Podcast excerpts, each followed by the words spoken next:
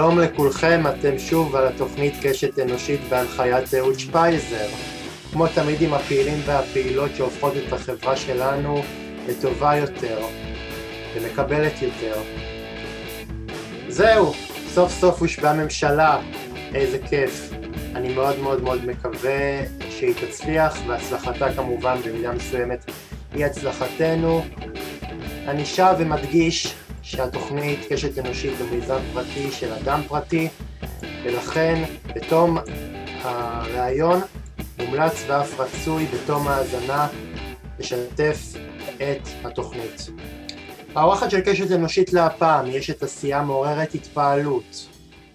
אמה הייתה לוחמת פמיניסטית ונמנתה עם מייסדי מכללת פמיננסי והורישה לה המון מרוח ההוויה הפמיניסטית. יש לה תואר ראשון במנהל עסקים ותואר שני בלימודי מגדר ויישוב סכסוכים בינלאומיים. כשהייתה בת 21 בלבד הקימה את הבר הלסבי מקום בתל אביב והחלה ליזום יחד עם דנה זיו ליין של אירועי תרבות ופסטיבלים. אחד האירועים הבולטים בהפקתן היא לסבית קטלנית, פסטיבל קולנוע לסבי ישראלי המתקיים אחת לשנה מאז 2008. מאז 2013 היא עומדת בראש מכללת פמיננסי ובין השנים 2015 ו-2017 הייתה יושבת ראש ועד מנהל באגודה למען הלהט"ב. היא שותפה בעידוד פרויקטים לתיירות שיותר מאוחר זיכו את תל אביב בתואר העיר הגאה הטובה בעולם ובדצמבר 2008 הנשים כחלק מתפקידה השוטף בארגון הנשים הפמיניסטי דגל אדום, שכללה שביתה ביום שלישי, הרביעי בדצמבר, בסדרת אירועי מחאה שהסתיימו בעצרת מרכזית בכיכר רבין.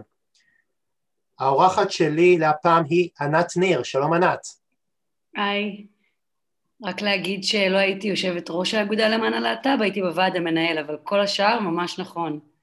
כן, בסדר גמור, זה, זה מינורי לחלוטין, ולמה את הכי מתחברת מבין כל הרשימה שהקראתי? Uh, אני חושבת שלמחאת הנשים, כי זה היה מין רגע כזה בזמן שמאוד הגדיר דברים שאני עושה אותם גם עכשיו, שקשורים ב, בעצם במעבר שלי באמת uh, אה, מהמרכז של העשייה מאקטיביזם להט"בי לאקטיביזם פמיניסטי, תמיד עשיתי את שניהם, הם גם בלתי נפרדים בעיניי, אבל uh, המאבק הזה באלימות נגד נשים הוא אחד המאבקים הצודקים והחשובים שיש בעיניי, והיה איזשהו רגע מאוד מאוד מאוד גדול בדצמבר 2018 כשעשינו את השביתה uh, ואת המחאה. מחאת הנשים בעצם חיברה בין המון נשים בכל הארץ, מכל קצוות החברה, אה, וזה היה בשבילי אה, מעורר השראה וגם אה, ממש פתח נתיב להמון דברים שאני עדיין מאמינה בהם ועושה אותם. את יודעת, ענת, אני ראיינתי בפודקאסט שלי הרבה, הרבה נשים, ורובם ככולן מאוד הביאו איתם איזשהו קול פמיניסטי וקול במאבק פמיניסטי. את חושבת שזה מקרי? Uh, בגלל שאתה מראיין פעילים ופעילות חברתיים, אז זה הגיוני שנשים שהן פעילות חברתיות, הרי יש קשר בין מאבקים. Uh, האיכות של האוויר שאנחנו נושמים והזכויות שלנו והאלימות כלפי אנשים ועוני וכל uh, מיני דברים כאלה הם קשורים אחד לשני, אז זה לא מפתיע שנשים שנאבקות uh, במאבקים חברתיים הן גם פמיניסטיות. כן. ענת, מאיזה נקודת זמן החלה הפעילות הפמיניסטית הכה עשירה שלך, וכיצד היא הביאה אותך בהמשך להיות פעילה כל כך למען זכויות הלהט"ב?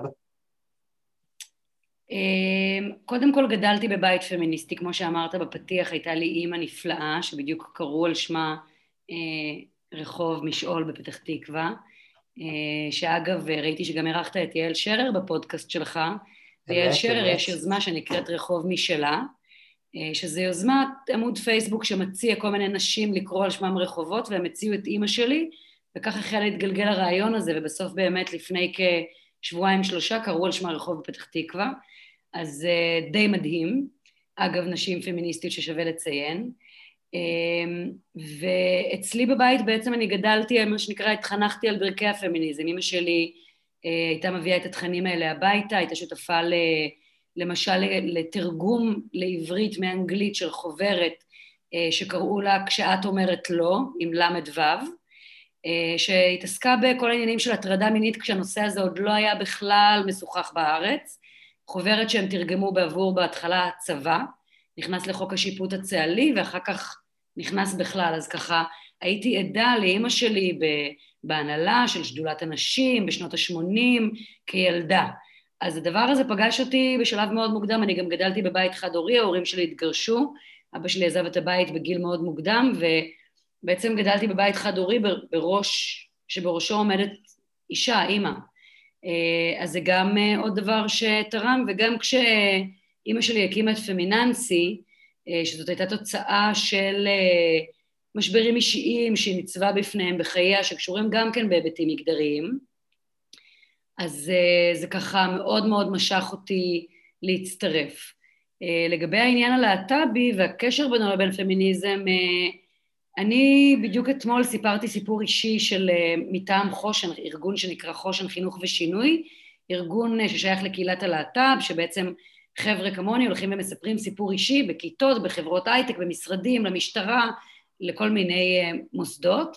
ואתמול כשסיפרתי את הסיפור האישי שלי נזכרתי באמת איך העניין של להיות ילדה קווירית היה גם עניין פמיניסטי, זאת אומרת נגיד שיחקתי כדורגל עם הבנים עד גיל מאוד מאוחר ואני זוכרת ממש שהתעמרו בי, ולא אהבו את זה שהייתי טובה בתוך הקבוצה, ושהיו פערים, ופערים גם ביחס, ויחסי כוח מסוימים, אפילו בתור ילדה בקבוצת כדורגל. אז היה לזה איזשהו היבט אה, מגדרי, והיה לזה גם איזשהו היבט קצת אה, קווירי, כלומר הייתי ילדה כזאת שמסתובבת עם הבנים, שנראית כמו בן, שפונים אליה בבן, בשיר של שבועות המורות כתבו עליי בחמישיר בכיתה א', החרוז שלי היה וענת, היא בן או בת, וזה גרם לי כל הזמן לתהות. אז המקום הזה, המתח הזה של, עוד פעם, זה מגדרי, זה לסבי, זה קווירי, זה של אחרות, זה... הדברים האלה מתערבבים מבחינתי כילדה ונערה שהתבגרה. אז uh, כשיצאתי מהארון, uh, הדברים האלה מאוד ברור היה לי שהם הולכים ביחד. Uh, וגם בתוך הקהילה, uh, נשים לא שוות לגברים. אבל אני חושב, ענת, שאנחנו נמצאים בתקופה מהפכנית, מהפכנית במובן הזה שעוד מעט העניין הזה של ההפרדה בין, בין נשים לגברים וכל העניין הזה של, של מגדר, הוא נהיה לא, לא רלוונטי, כי יש היום הרבה מאוד אנשים שהם אומרים על עצמם, אני לא רוצה להיות בן, אני לא רוצה שתקרו, שתגדירו אותי, אני לא רוצה שתגידו את אישה או, או אתה זכר, לא רוצה, לא מעוניין, ואני חושב שבאיזשהו מקום כל, ה, כל האנשים האלה שבאיזשהו מקום סיגלו לעצמם כל מיני תכונות אה, גבריים או תכונות נשיים בזמן שהם אה, היו, אה, הם כל הזמן, מה זאת אומרת היו? זכר ונקבה הם באיזשהו מקום אה, הקדימו את אה, זמנם כי היום זה כבר נהפך להיות נושא לא, לא רלוונטי, חסר משמעות. החברה התפתחה כל כך, כל כך, שהתחום הזה באמת אה, נהיה תחום חסר חשיבות, לא רלוונטי, שכל מי שממשיך לאחוז בו זה כל מיני בומרים מיושנים.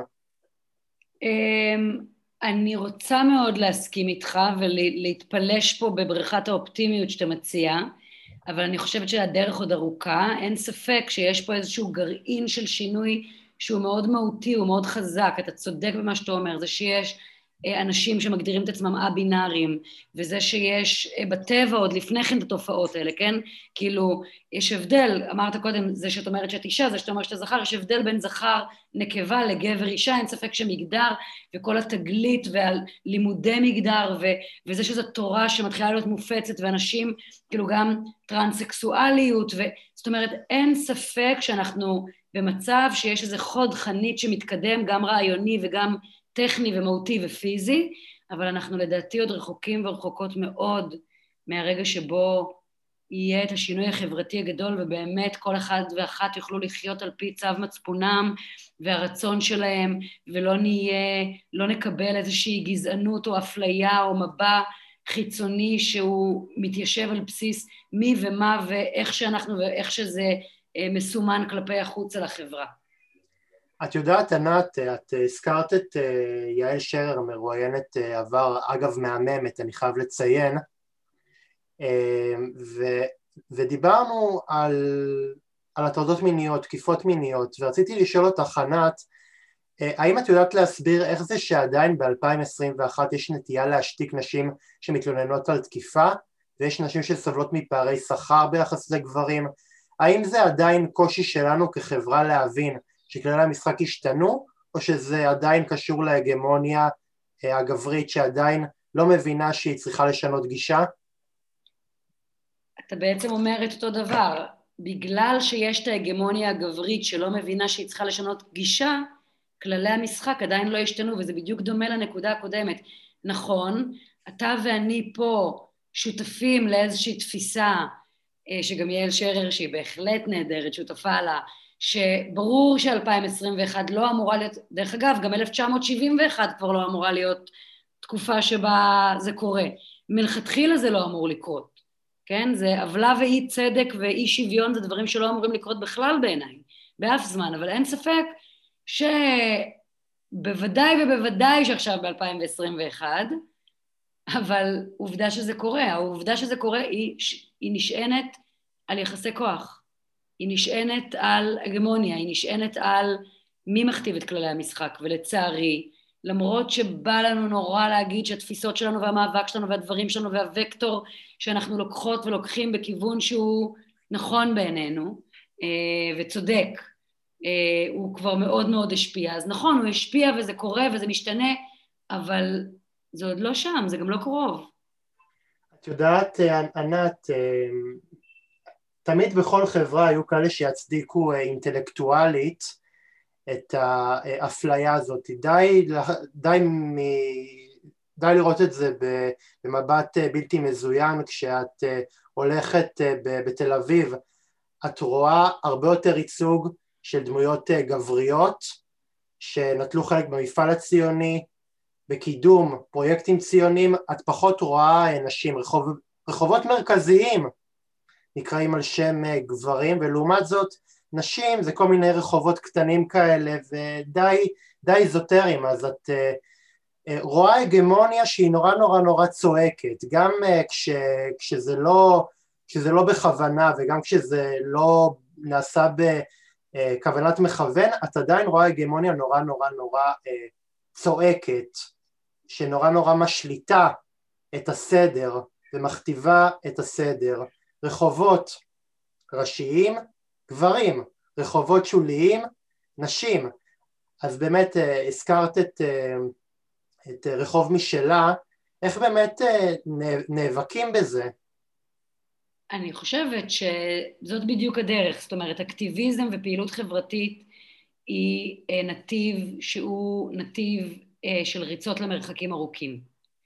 אין אה, הרבה פעמים, בגלל זה דרך אגב ציינתי את מחאת הנשים מקודם, כי אני חושבת שזה היה איזשהו רגע מכונן ואיזשהו רגע של באמת קצת יותר שינוי תפיסה ושינוי פרדיגמה. מאוד מאוד קשה להביא שינוי גדול, אבל הנה, גם, נכון, אימא שלי למשל, קראו על שמה רחוב, קודם סיפרתי, זה לא רחוב, זה משעול, הוא מחבר בין רחוב לבין גינה, לבין גינת הרב קוק, שהרב קוק היה איש מאוד חשוב בציבוריות שלנו וקיבל אה, גינה גדולה ויפה, ורחוב ה-93 מהצד השני, והמשעול של לילי ניר הקטן מחבר ביניהם. אז אין ספק שאתה צודק במה שאתה אומר, אבל עדיין גם המשעול הזה, הוא כתוצאה מהפעילות של רחוב משלה, ועדיף שיהיה משעול ורחוב שולי על שם נשים מאשר שלא יהיה בכלל, וכך לאט לאט נגיע לרחובות מרכזיים, כי נלך ונעמיק את המאבק שלנו. דרך אגב, יכול באמת להיות, אני אדבר בזכות השיחה היום איתך עם יעל, שאנחנו צריכות גם באמת אה, לדרוש אה, רחובות ראשיים אה, בשכונות חדשות שהם מקימים, שזה יכול להיות רעיון טוב למאבק, לדבר על העניין הזה של, אוקיי, עכשיו יש כמה רחובות, אבל איזה רחובות? זה גם כזה סוגיה. אבל כל המאבקים האלה הם מאבקים שההצלחה שלהם היא תמיד עקב בצד אגודל. זה תמיד משהו שהוא באופן הולך וגובר, משנה את, ה, את חוקי המשחק. יש רגעים כאלה של קפיצת מדרגה, כן? אה, סתם נגיד מיטו, נכון? זה איזה רגע של שינוי תודעתי, גלובלי, אמ, ויש רגעים יותר קטנים וצנועים. אמ, ואנחנו צריכים וצריכות אה, להמשיך ולהוסיף ולהיות אופטימיים. קודם אמרתי שאני רוצה להתפלש איתך בברכת האופטימית, אז אני אגיד מילה על אופטימיות, שבהתחלה אמ, חשבתי שזה מצב רוח, אבל הבנתי לאט לאט שזה עמדה מוסרית, אמ, שזה משהו שאנחנו צריכים וצריכות להחזיק ולאחוז בו, שזה הדגלים הרחוקים שלנו, זה המטרות הרחוקות, לשם אנחנו רוצים לצעוד כחברה, למקומות הטובים יותר, השווים יותר, הצודקים יותר, השוויוניים יותר, השמחים יותר, המטיבים יותר, אה, ובדרך יהיו כישלונות ויהיו קשיים ויהיו ימים שנקום ויהיה מאוד לא כיף. אה, ויהיו צעדים גם לאחור. אבל אנחנו צריכים לזכור ולהסתכל כל הזמן על הדגל הרחוק ולשם ללכת, וזו האופטימיות מבחינתי. ענת, בואי נדבר על אה, מכללת פמיננסי, שאת כיום עומדת בראשה, איך המכללה הזאת עובדת בעצם, ובאיזה אווירה אימא שלך, לילי ניר, מנוחתה עדן, אה, הרימה את היוזמה הזאת? אה, אז קודם כל, אימא שלי חוותה איזו שרשרת של משברים, בהתחלה גירושין ואחר כך מחלה, התמודדה עם מחלת הסרטן, אה, והבינה שזה כל פעם פירק אותה כלכלית, ושזה לא הגיוני בגלל שהרבה מהמאפיינים היו מגדריים, גם בגירושים וגם באיך שהיא הקימה את העסק והמחלה, ו... כל מיני דברים שקורים להמון נשים, והיא אמרה, אם אני אישה אקדמאית, קרייריסטית, מצליחה, שהביאה שכר גבוה הביתה, לא השכלתי, מה שנקרא, לשמור פרוטה לבנה ליום שחור, אז אני לא האישה היחידה במדינת ישראל שלא ככה, 95% מהנשים הם ככה. ואני עכשיו אלך ואעשה עם זה משהו. והתחילה מסדנה שמאוד הצליחה, וזה הלך והעמיק, ואני הצטרפתי אליה בגיל מאוד צעיר לנהל את השיווק של המכללה, ועבדנו ככה כמה שנים. דרך אגב, אני רוצה לציין פה גם שאחד המקומות הראשונים והחשובים, שהייתה פריצת הדרך הראשונה של פמיננסי, אה, היה בהרצליה, וזאת בזכות כך שהייתה שם ראשת עיר יעל גרמן, והייתה שם מחזיקת תיק אה, מעמד האישה, אה, יועצת ראש העיר למעמד האישה, דנה סבוראי, שהיא אישה נפלאה, והם ממש דחפו את פמיננסי פנימה, ועשינו שם המון קורסים, ולאט לאט ככל שהוסיפו לגדול בארץ מנהלי נשים, שזה דבר שהיה חדש כשהקמנו את פמיננסי. התחלנו לעבוד עם מנהלי נשים, ועד היום במובן מסוים, הנה עכשיו אנחנו פותחות אה, קורס למשל במועצה אזורית חבל מודיעין, יחד עם דוברת, שהיא היועצת ראש העיר למעמד האישה שם, והיא נפלאה, ואנחנו מוסיפות לעבוד במודל הזה עד היום, 16 שנים אחרי. אה, כשאימא שלי נפטרה, אה, היא השאירה איזושהי צוואה, ככה בווידאו, על פמיננסי, זאת אומרת, היא לא באמת התכוונה להשאיר את זה כצבא, אבל היא התראיינה בווידאו, צילמנו אותה לא מעט, ואישה נפלאה בשם קיקי אלפנט, היא אחת הנשים שהגיעו לצלם את אימא שלי ולראיין אותה, ובתוך אחד הווידאוים האלה אימא שלי מדברת על פמיננסי, אומרת, לא ייתכן שהפרויקט הזה ירד לטמיון אם אני אמות, אני חייבת למצוא מישהו או מישהי שזה בנפשה, להרים את זה, כי זה צריך להיות בסדר גודל של יואל גבע. ואומנם לא הצלחתי להביא את זה לסדר גודל של יואל גבע, אבל uh, בהחלט פמיננסי עדיין מעבירה קורסים והכשרות לנשים, ובכל קורס שאנחנו פותחות, אני מרגישה שאני מקיימת את צוואתה של אימא שלי להמשיך ולעסוק בחינוך פיננסי לנשים, ולהמשיך ולהוסיף ולחנך נשים להיות עצמאיות כלכלית ולדאוג לכספים שלנו, והנה אנחנו פותחות עוד ממש אה, עכשיו ביולי קורס נוסף בקרוב. פעם את יודעת, אה, ענת, הייתה, היה קורס בשם מלאכת בית לנשים, אבל את אה, עושה פה דבר שהוא הרבה יותר אה, טוב, כי את למעשה אה, מכינה נשים להזדמנות, או למעשה לרגע שבו יקראו להם לעבודה ויגידו להן את המילים הבאות, את מפוטרת. כי באמת אני חושב שהרבה מאוד אנשים לא תופסים את העומס שנשים נאלצות להתמודד, גם לצאת לחופשת הריון, גם, אה, גם לשמור את העובר בבטן כל זמן ההיריון, וזה באמת אה, מצב שהוא מועד לפורענות וגם הרבה מאוד אה, נשים חשופות לפיטורים במהלך התקופה הזאת. אז באמת לתמוך בהן, לעזור להן, לשים את היד על הכתף שלהן ולהגיד להן אתם לא לבד, ובאמת לתת איזשהו, להגן בחוק את הצרכים שלהם ובאמת להכתיב עובדות בשטח זה מאוד מאוד מאוד יפה בעיניי. אה, תודה, אנחנו ללא ספק אה, מגיעות לנשים בכל מיני מצבים, אה, נשים שהן לקראת הקמת כזה החיים הכלכליים שלהן, צעירות שלומדות ועושות תארים, נשים שכבר התחילו לעבוד, נשים לקראת הסכמי ממון ונישואים, נשים בתהליכי גירושים, נשים במצבים של אלימות כלכלית, נשים במצבים של הקמת עסק, פשוט נשים לקראת פרישה, נשים שמתאלמנות, נשים בכל סוגי המצבים, נשים שרוצות פשוט לשפר את המצב המשפחתי, כל מיני סוגים של נשים בכל מיני סוגים של מצבים מכל הארץ ובכל המעמדות, אנחנו פוגשות אותם ואנחנו מעבירות ידע פיננסי ומלמדות, ואנחנו, אה, אני גם את המחקר שלי כתבתי על אה, עצמאות פיננסית של נשים בישראל, אה, ו, וזה מדהים כמה שהקורס הזה, שהוא קורס ממש פרקטי, אה, פוגש נשים ועוזר להם אה, באחוזים מאוד גבוהים לשפר את הסיטואציה הכלכלית שלהן ואת העצמאות הכלכלית שהיא מפתח לחירות שלנו. חוץ מזה גם אישה היא אישה היא אישה, כאילו כשהיא תהיה בת, בת 70 או בת 60 היא עדיין תהיה אישה. נכון. בכל, בכל מצב, אז כשלפנסיה או פורשות לגמלאות עדיין הן צריכות אה, איזשהו מקום לקיים את עצמם כלכלית.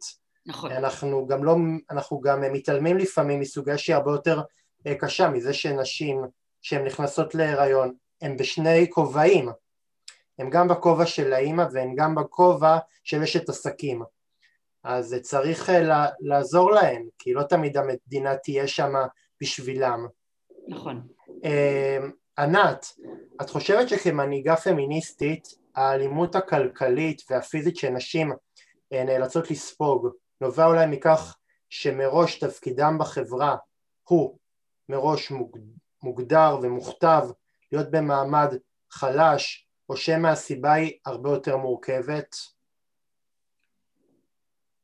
תראה, מהרגע שבו כאילו, אה, עוד מי, לא יודעת מה, מתקופת התנ"ך, כן? כל העניין של כתובה וזה שאישה עצמה היא רכוש, ו... זאת אומרת, העניין מותווה ומוסלל מראש ביחסי הכוחות לזה שאנחנו לא, כאילו, וגם זה של, שלקח זמן עד שיצאנו ממשק ביתנו לעבוד, כאילו נשים היו אחראיות על ענייני הספירה הפרטית וגברים היו בספירה הציבורית בלבד, עד שזה לאט לאט השתנה, וגם היום אנחנו מרוויחות פחות על אותו, על אותה עבודה עם אותו היקף שעות ואותה הגדרת משרה, זאת אומרת, אנחנו מראש נמצאות במשחק שבו אנחנו אה, נמצאות תחת יחסי כוחות לא שוויוניים כלכלית, וזה נכון גם בתוך משק הבית.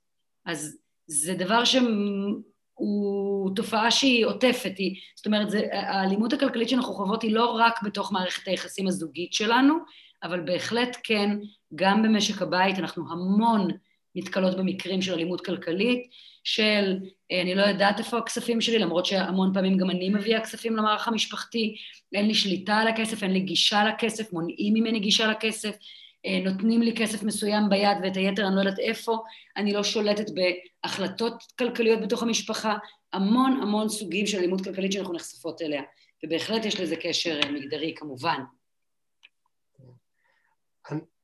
ענת, הזכרנו את תופעת האלימות כלפי נשים ורציתי להעלות סוגיה, את חושבת במובנים מסוימים שמחאת המיטו הגבירה את ההזדהות הציבורית כלפי מצב הנשים או שדווקא היא תוביל לריאקציה? אני חושבת שכל התקדמות אה, פמיניסטית מובילה גם לריאקציה ובקלאשים, גלי נגד. אה, ראינו את זה בזה שדונלד טראמפ נבחר לנשיא, כן? בחור ש... בתוך הקמפיין שלו אומר grabber by the pussy, ועדיין נבחר, אני חושבת שזה לא הגיוני. אמ, אנחנו רואות אה, המון תופעות של אלימות נגד נשים, אלימות מינית, אלימות פיזית, רצח נשים, אלימות כלכלית, המון המון תופעות של אלימות נגד נשים שבמובן מסוים לפעמים באמת התחושה שהיא הולכת וגוברת עם כל מיני גלי תודעה, אבל בסך הכל הכללי אין ספק שמיטו הוא דבר טוב וחיובי ויצר גל תודעתי מאוד מאוד חשוב, גם בקרב נערות ונשים וגם בקרב נערים וגברים, אה, ובסך הכל אני חושבת שהמגמה היא חיובית. כל התקדמות מעוררת גלי נגד, וזה מאוד מאוד מצער לראות. את יודעת, דונלד טראמפ הוא בן אדם הייתה נגדו קופת שרצים על הטרדות מיניות, על נשים שבאמת אמ, אמרו דונלד טראמפ הטריד אותי. ועוד אחרי כזה דבר הוא זוכה אה, בבחירות מול הילרי קלינטון שלא הייתה אמ, אה, נורא נורא אהודה וגם לא הייתה פמיניסטית אה, גדולה וחשבה שאם היא רק תגיד שהיא אישה היא תצליח לגרוף קולות של נשים, בזה היא עשתה טעות מאוד מאוד גדולה ואני חושב שדווקא דונלד טראמפ גם הביא איתו הרבה מאוד דאדה מצד כוחות ריאקציונרים אבל גם הרבה מאוד שנאה מצד, אנש, מצד אנשים שבאמת אה, בזו לסוג הסגנון שהוא הביא לבית הלבן ולמדינה אה, שמתיימרת להיות אה, המגדלור של החופש ושל הצדק בעולם. מאוד מסכימה איתך, אני גם חושבת שגם גם לזה היה גל נגד פמיניסטי. אה, מצעד הנשים, ה-Women's March, אה, הוא היה אחד האירועים הכי מעוררי השראה שיצא לי לצפות בהם. אה, וזה גם, אז, אז גם, גם הבחירה של דונלד טראמפ יצרה עוד גל של מאבק פמיניסטי, אז צריך, צריך להכיר גם בזה. זאת אומרת, הדברים האלה הם מאוד תנודתיים, אבל בסופו של דבר אני, אני מאמינה שהמאבקים האלה מחברים אותנו, המאבקים הפמיניסטיים האלה מחברים אותנו, בגלל זה גם הקמנו את אני אישה, שזו תנועה שאני היום עומדת בראשה בעקבות מחאת הנשים, אה, אני, אני יו"ר שותפה של אני אישה, זה בעצם תנועה שפועלת לחיבורים בשדה הפמיניסטי, אה, בתוך זה גם הקמנו בית ספר לפוליטיקה, שיש לו תוכנית שנקראת תוכנית 51, שפועלת להכשרה של נשים לתפקידים פוליטיים וציבוריים, וכבר במחזור הראשון יש לנו בוגרת, אבתיסאם מראענה, שנכנסה ונהייתה חברת כנסת, ואחת מהיזמות המייסדות של התוכנית, עידית סילמן, היא חברת כנסת ויו"ר האופוזיציה, אה, יו"ר הקואליציה, סליחה. אה, אז אה, כאילו, אני חושבת שזה הישגים מאוד מאוד גדולים של הפעילות המשותפת שלנו. אז אני רואה במיטו ובוומנס מרץ' ובמאבקים המשותפים שלנו במחאת הנשים פה בהקשר הישראלי, את היכולת לחבר בינינו, ולכן גם הקמנו תנועה שפועלת לטובת חיבורים, כי אני מאמינה בזה כמה שדרוש לנו כדי להגביר את ההשפעה והכוח של התנועה. כן. Uh, ענת, בואי נדבר על עוד מיזם בו לקחת חלק שתפקידך בו הסתיים עם התפקדותך uh, למפלגת מרץ וזה לעמוד בראש תכנון רשת מובס אה, ששיתחה בין בנות זוג לסביות, מה למעשה היה הכוח המניע מאחורי היוזמה הזאת? מובס בעצם מה שהיא הייתה, היא הייתה רשת חברתית לקהילה הגאה, רשת חברתית בינלאומית לקהילה הגאה, מאוד מזכיר את פייסבוק של הלהט"ב נגיד. אה, זאת הייתה חברת סטארט-אפ שהזמינה אותי לנהל להם את השיווק, אה, ובעצם עשיתי מה שנקרא product marketing, שיווק מוצר, אה, זה איזושהי פוזיציה בחברות אה, הייטק, אז התמזל מזלי וזכיתי גם להתנסות לעבוד בחברת אה, הייטק, Interacting Technology, חברת הייטק ישראלית שהוקמה על ידי ליאב אליאש ואני חושבת שזאת הייתה התנסות, בשבילי זאת הייתה התנסות ממש ממש מוצלחת. עבדתי עם אנשים מדהימים, להט"בים מכל העולם וגם מהארץ, הבחור שמשך אותי לתוך היוזמה הזו שמו עידן מטלון, הוא אה, כוכב רשת ומשפיען ואיש שיווק אה, מדהים, אה, ובעצם עבדנו, אני הייתי במובס שנתיים, בתוך השנתיים האלה עבדנו, יצא לי גם לנסוע לחו"ל וגם לעבוד בצורה בינלאומית ולחשוב בצורה בינלאומית על חיבורים בתוך קהילת הלהט"ב, וכאמור, רק בשאלה הקודמת אמרתי כמה חיבורים הם משמעותיים בשבילי, אז הרעיון הזה של ללכת ולחבר בינלאומית בין הלהט"ב, זה היה מרתק, זה היה לקום בבוקר לעשייה שהיא אה, מעוררת השראה ומרתקת, ומאוד מאוד שמחתי על הזמן שלי שם. כן. Uh, האמת היא ש, שזה גם uh, במקביל ל, למיזם הזה, יש הרבה מאוד uh, אתרים ורשתות חברתיות שבאמת זה התפקיד שלהם, יש את אטרף, יש את גריינדר, אז אטרף וגריינדר יותר מתעסקים בהיכרויות, והייחוד של מובס היה שהיכרויות לא היו הנדבך המרכזי, אלא ממש רשת חברתית יותר כמו שאנחנו מכירים את פייסבוק, מקום לחלוק בו את החוויה שלי, מקום אולי לצאת בו מהארון, מקום לדבר, היו השטגים של סביב נושאי תוכן ותחומי עניין, שאנשים היו הם מוצאים אחד את השני על כל מיני אירועים ודברים ומסעדות וברים ותחומי עניין וספורט ויציאה מהארון, כמו שאמרתי, וקשיים והצלחות ו...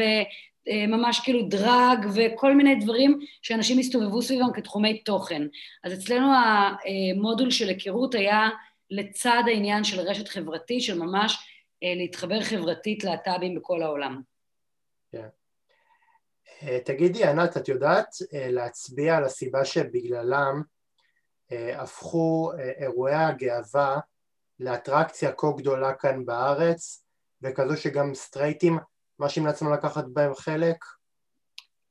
אמ, אני חושבת שזה באמת הצלחה אה, להט"בית, אה, יש את זה בעוד מקומות בעולם, אבל הצלחה להט"בית ישראלית כזו, אה, כי אני חושבת שהמצעד בתל אביב, הפורמט שלו הוא מאוד מעניין והוא מאוד מרים ומסיבתי, ויש בזה משהו שקורה לאנשים, זה כמו שהיה את ה Love Parade, וכמו שיש קרנבלים ופסטיבלים אחרים, ואני חושבת שזו הצלחה, האמת שמסיבות מסיבות גייז תמיד משכו אליהם גם סטרייטים, אה, עוד מהימים ששירז היה עושה את ה-FFF באלנבי 58, בסוף שנות התשעים, אה, כבר אז סטרייטים ידעו שאם הם רוצים ללכת למסיבות טובות, כדאי שהם ילכו למסיבות גאות, אה, ואני חושבת שזה קונספט שנשמר, וזה האמת דבר יפה וזה דבר מרגש וזה דבר שמחבר שגם סטרייטים מגיעים למצעד הגאווה, גם אני חושבת שהרבה סטרייטים מגיעים למצעד הגאווה כדי להגיד אה, לעמוד לצד הקהילה הגאה במאבק שלה, ולא רק כדי אה, לבלות, אבל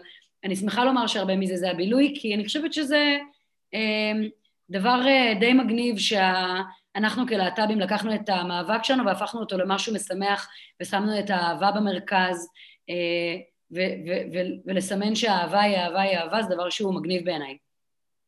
לא רק זה, זה גם אירוע מאוד מאוד מאוד לא מטיף, זאת אומרת כולם כולם, אם אתם אה, לסביות דתיות, הומואים דתיים, אה, סטרייטים, אה, סקרנים ושבעצמם חוקרים את הנטייה המינית שלכם, אתם יכולים לקחת בזה חלק, וזה, לגמרי.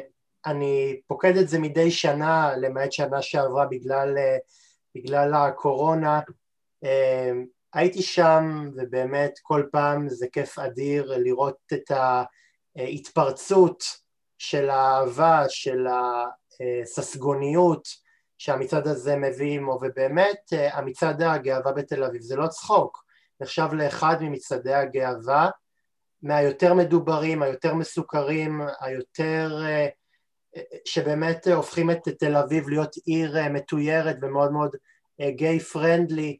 המיתוג של מצעד הגאווה בתל אביב הוא לא נורמלי, הוא לא נורמלי, וזה קורה בת, ב, במדינה שהיא מאוד מאוד אמביוולנטית כלפי יחסה לבני הקהילה הלהט"בית, מצד אחד מחבקת אותם, מצד שני מפלה נגדם.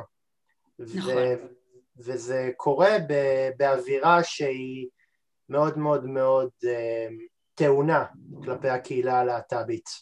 תראה, אני גאה לומר, גם הופקתי את המצעד גאווה בתל אביב חמש שנים ברציפות, אה, גם הייתי שותפה לקמפיין אה, של מצעד הגאווה וגם לעידוד התיירות מחו"ל לארץ.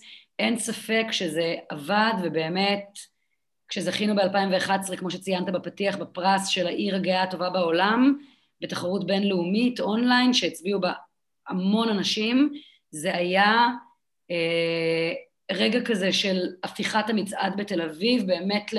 ותל אביב עצמה לבירת עולם גאה. וזו הצלחה מסחררת, ולצד זה אה, מצער מאוד לראות שעוד לא ישבה אישה מחוץ לארון בכנסת ישראל, שהחוקים שלנו והזכויות שלנו לא עוברים פה, שאנחנו נכשלים בבג"ץ פעם אחר פעם במיסוד המשפחות שלנו.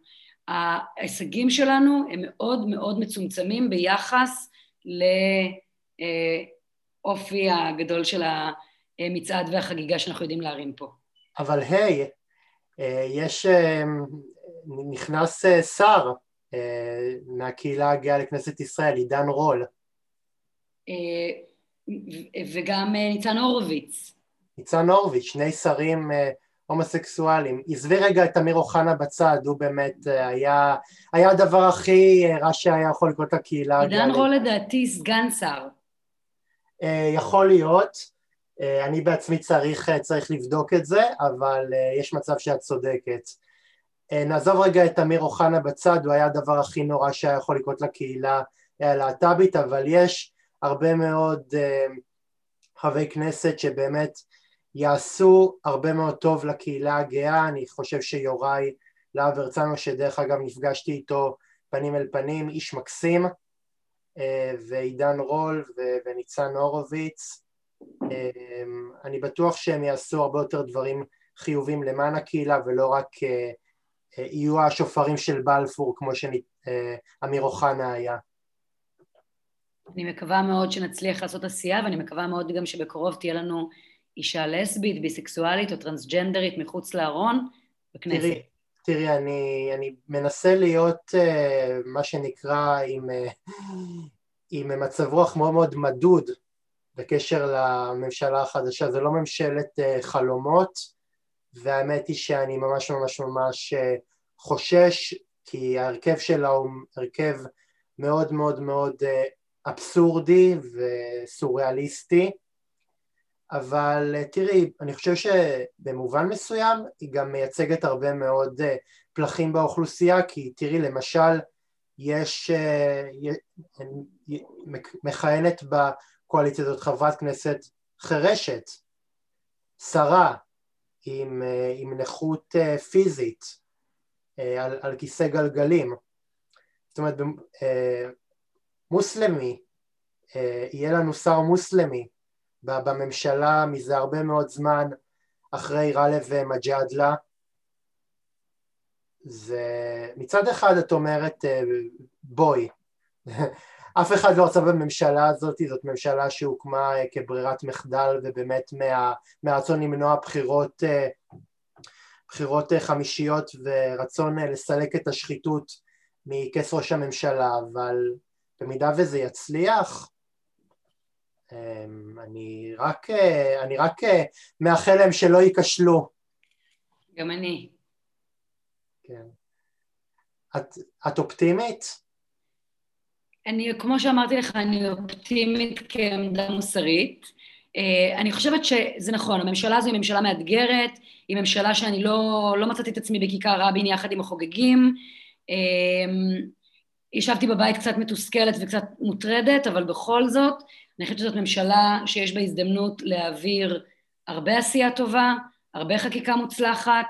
Uh, אני חושבת שזאת אה, הזדמנות, אני חושבת שחשוב שאנחנו כציבור וכאזרחים נעשה את התפקיד שלנו ונעזור לה אה, להתחזק ולהתקיים ולהתממש, אה, כדי שאנחנו נוכל להתחיל לבנות פה עתיד טוב יותר, ואני כן רוצה לומר שאני חושבת שכל הממשלה הזו זה אנשים שבאים לעבוד כדי לעשות פה שיהיה טוב יותר, ואני בטוחה שיש אפשרות שזה יקרה. אני מאוד מאוד מקווה. תגידי ענת, אני חוזר לנושא הפמיניסטי רגע, איזה קושי מבני יש לנשים להשתלב בשוק התעסוקה על פני עמיתם הגברים לעבודה? קודם כל, עצם העניין שאנחנו נשים מציעים לנו פחות שכר ופחות אה, משרות אה, בכירות, מעצם המגדר, אה, וזאת בעיה גדולה. חוץ מזה, בגלל תהליכי סוציאליזציה שאנחנו עוברות בחברה כילדות, נערות לנשים, אנחנו פחות אה, מוסללות לבקש, לדרוש, לתבוע את המרחב שלנו, להבין שמגיע לנו. אה, יש הרבה מאמרים וספרים שנכתבו על הנושא הזה. ספר אחד שאני תמיד ממליצה עליו, Women Don't Ask, נשים לא מבקשות, שזה ספר שגם מכיל נתונים בתוכו על אה, עד כמה אנחנו נמצאות בפער מגדרי בתהליכי החברות שלנו, ועד כמה אה, זה לא ברור מאליו לנשים בכלל לבקש. אז זה, זה, דו, זה דו-סטרי, גם לא נותנים לנו מספיק וגם אנחנו לא יודעות לדרוש מספיק. אה, וזה חלק מהדברים באמת שאנחנו עושות בפמיננסי. אה, זה משתנה בהדרגה וזה המון קשור למנהיגות ולהעצמת נשים ולהכשרות ולעבודה עם נערות ובאמת כמו התוכנית של בית ספר לפוליטיקה והמון המון המון סוגים של פעילות שהם, פמיננסי כמובן, נועדו לתת לנשים חכות אמ, וככה נוכל לדוג טוב יותר ולא רק לקבל את הדגים. כן. אה, אני חושב שגם אחת הבעיות זה שיש בחברה שלנו גם הרבה מאוד נשים שהשלימו עם, ה, עם ההגמוניה הגברית, ואני אומר לך את זה כגבר, אה, גבר שלא, שלא מסכים לדיכוי הזה. אה, אני חושב שגם הרבה מאוד נשים, עצם העובדה שעד היום לא הייתה מהפכה בכל התפיסה הפמיניסטית זה כי גם באיזשהו מקום גם הרבה מאוד נשים די הייתה הסכמה שבשתיקה אה, עד הפריצה הגדולה של הסופרג'יסטיות ובאמת הקריאה הזאת של נשים לצאת החוצה ולשרוף חזיות ובאמת אה, אה, לקחת חלק בשוק התעסוקה הייתה איזושהי מידה של, של, של הסכמה שבשתיקה שהיא החליפה גוונים בצבע במהלך ההיסטוריה. תראה, דיכוי זה דבר שמפנימים אותו. אותו דבר על להט"בופוביה, אותו דבר על גזענות כלפי שחורים, זאת אומרת... הייבליזם. כן. Uh, דיכוי זה דבר שמפנימים אותו, זה לא כזה קל להתעורר מדיכוי. ולא כן. כזה קל לצאת ממעגל של דיכוי. כן, מסכים איתך. Uh, תגידי, ענת, את רואה הלימה בין ייצוגיות של נשים ולהט"בים בעמדות כוח לבין צמצום באפליה נגדם? בוודאי, בוודאי. מה שנקרא nothing about us without us, לא עלינו בלעדינו. כשיש יותר נשים בכנסת, יש יותר חקיקה למניעת אלימות ואפליה כלפי נשים. כשיש יותר להט"בים בכנסת, יש יותר וקטור לכיוון חקיקה להט"בית. בוודאי, בוודאי. כן, אמ, כן, כן ירבה וכן, וכן יפרוץ. אמ, אה, ענת, ניסיתי, אה, סליחה, ענת, ניסית בשלב מסוים להשתלב בפוליטיקה ולבסוף לא נכנסת לכנסת. האם את רואה בזה החמצה או שאת מרגישה סיפוק וגאווה גם בתור מישהי שמובילה שינוי מבחוץ? אמ, קודם כל אה, ניסיתי ואני עדיין מנסה. אה, היו בחירות, הגעתי בהן בהתחלה למקום 14, עכשיו אני מקום 11, מספר 9 אצלנו תכף נכנס לכנסת בעקבות החוק הנורבגי. אז uh, אני לא רחוקה מהכנסת, אבל המטרה היא לא להיכנס לכנסת, המטרה הייתה לשמש דוגמה לנשים לט"ביות אחרות, uh, על זה שאנחנו צריכות להתחיל לשים פעמנו לכיוון המקום הזה. אני עצמי חלק מסיפור. אם אני אהיה או לא אהיה, עצם הניסיון שלי הוא סימן, עצם המפקד של הרבה מאוד להט"בים ונשים למרץ שעשיתי הוא סימן, עשיתי את זה בתוך קבוצה, אה, עצם הקבוצה שפועלת כדי להשפיע, השפענו על המון דברים בתוך המפלגה, המון מהשיח שלה. אה, אני, אני חברת הנהלה היום, נבחרתי להיות חברת הנהלה, אז אני משפיעה בתוך מרץ, אה, ואת הדברים שצריך לשנות במפלגה, שזה הרבה, אני ידועה שאני לא חוסכת ואני תמיד אומרת, אז הנתיב הפוליטי, זאת אומרת, אני חושבת שהאזרחות הפעילה ביותר היא ללכת אה, להיות חברת או חבר כנסת ולהיות בממשלה, אה, אבל אזרחות היא דבר, אזרחות השתתפותית הוא דבר שאפשר לעשות אותו בהמון המון המון דרכים. לעשות פודקאסט זאת גם דוגמה. אז אני חשה שאני משפיעה ומובילה, בין אם אני חברת כנסת ובין אם לא, אין ספק שמוטת ההשפעה שלי תגדל אם אני למעשה אצליח להיות חברת כנסת. את, יודע, את יודעת, ענת, יש פה פרדוקס מסוים, כי אני חושב אה, שאני בתור פעיל חברתי ואת בתור פעילה חברתי, הרבה פעמים רואים את המגרש הפוליטי כ- כמטרה, אבל כשאתה מגיע למגרש הפוליטי אתה יוצא מתוסכל כי אתה אומר, אה, הייתי שם ולא שיניתי שום דבר, כי הייתי צריך, אה, כי החוק שלי לא עבר, והייתי צריך שהחוק יעבור קריאה שני, אה, ראשונה, שנייה ושלישית. הייתי צריך לשכנע חברי כנסת למה לתמוך, הייתי צריך לה, להעביר אה, שאילתות. הייתי חושבת... צריך באיזשהו מקום לקחת חלק בוועדות ובסופו של דבר שום דבר מזה לא קרה אז אני באיזשהו מקום חושב שדווקא עצם זה שאנחנו פועלים אה, מבחוץ אנחנו יכולים להפעיל לחץ על הגורמים בשלטון כדי שהם יעשו את הדברים שאנחנו אה, רוצים בסופו של דבר, ואולי דרך, ואולי ככה להשפיע יותר. גם וגם, גם וגם, לא סותר. אני חושבת שפעילים חברתיים והשטח צריך להגיע לכנסת, ואני חושבת שצריכה להיות מערכת יחסים סימביוטית בין השטח לכנסת, אה, ואני חושבת שיש גם הרבה חקיקה שכן עוברת והרבה מאמצים שכן עוברים, וגם הדברים שלא עוברים מתחילים לשנות את השיח, וחשוב שלא נסתכל על עצמנו בכזה כובד ראש ונבין שאנחנו בורג קטן בתוך מערכת גדולה, אה, וגם, וכל דבר שאנחנו עושים הוא חשוב. תגידי ענת, כיצד יזמות חברתית תוכל בעתיד לצמצם את הפערים בין אה, נשים לגברים? תראה, פמיננסי היא דוגמה ליוזמה חברתית שעושה את זה, אני שי דוגמה ליוזמה חברתית שעושה את זה. אה, אני מתעסקת ביוזמות חברתיות שאני מרגישה שהן מביאות את זה לגמרי לעולם ולגמרי מביאות הישגים. האם כל הפער החברתי מצטמצם? לא, לא ביום אחד. כן, שום פער חברתי לא יכול להצטמצם ביום אחד. נכון. כן. אה, גם לא, בעוד, גם לא בעוד 50 שנה וגם לא בעוד 100 שנה, זה תהליכים מאוד מאוד מאוד הדרגתיים. נכון. ואיטיים, והם לא אקספוננציאליים. אה, לקראת סיום ענת, אילו יוזמות פמיניסטיות את חושבת ששווה לקדם בעידן הפוסט קורונה? אמ, גם אה, באמת כל הנושא של חיבורים, דיברתי עליו ואני אסיים בו כי זה נושא שהוא מאוד יקר לליבי, חיבורים בין כתבים שונים בחברה, בין נשים מכל המקומות בחברה לעבודה משותפת, אני מאוד מאמינה בזה.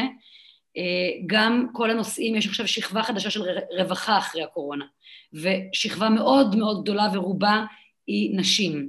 אני חושבת שצריך לעסוק בנושאים שקשורים לרווחה ולנשים, אה, כי אנחנו נמצאות במצב מאוד מאוד קשה אחרי הקורונה. זה שני הדברים החשובים ביותר בעיניי, אה, חיבורים ואלמנטים של רווחה.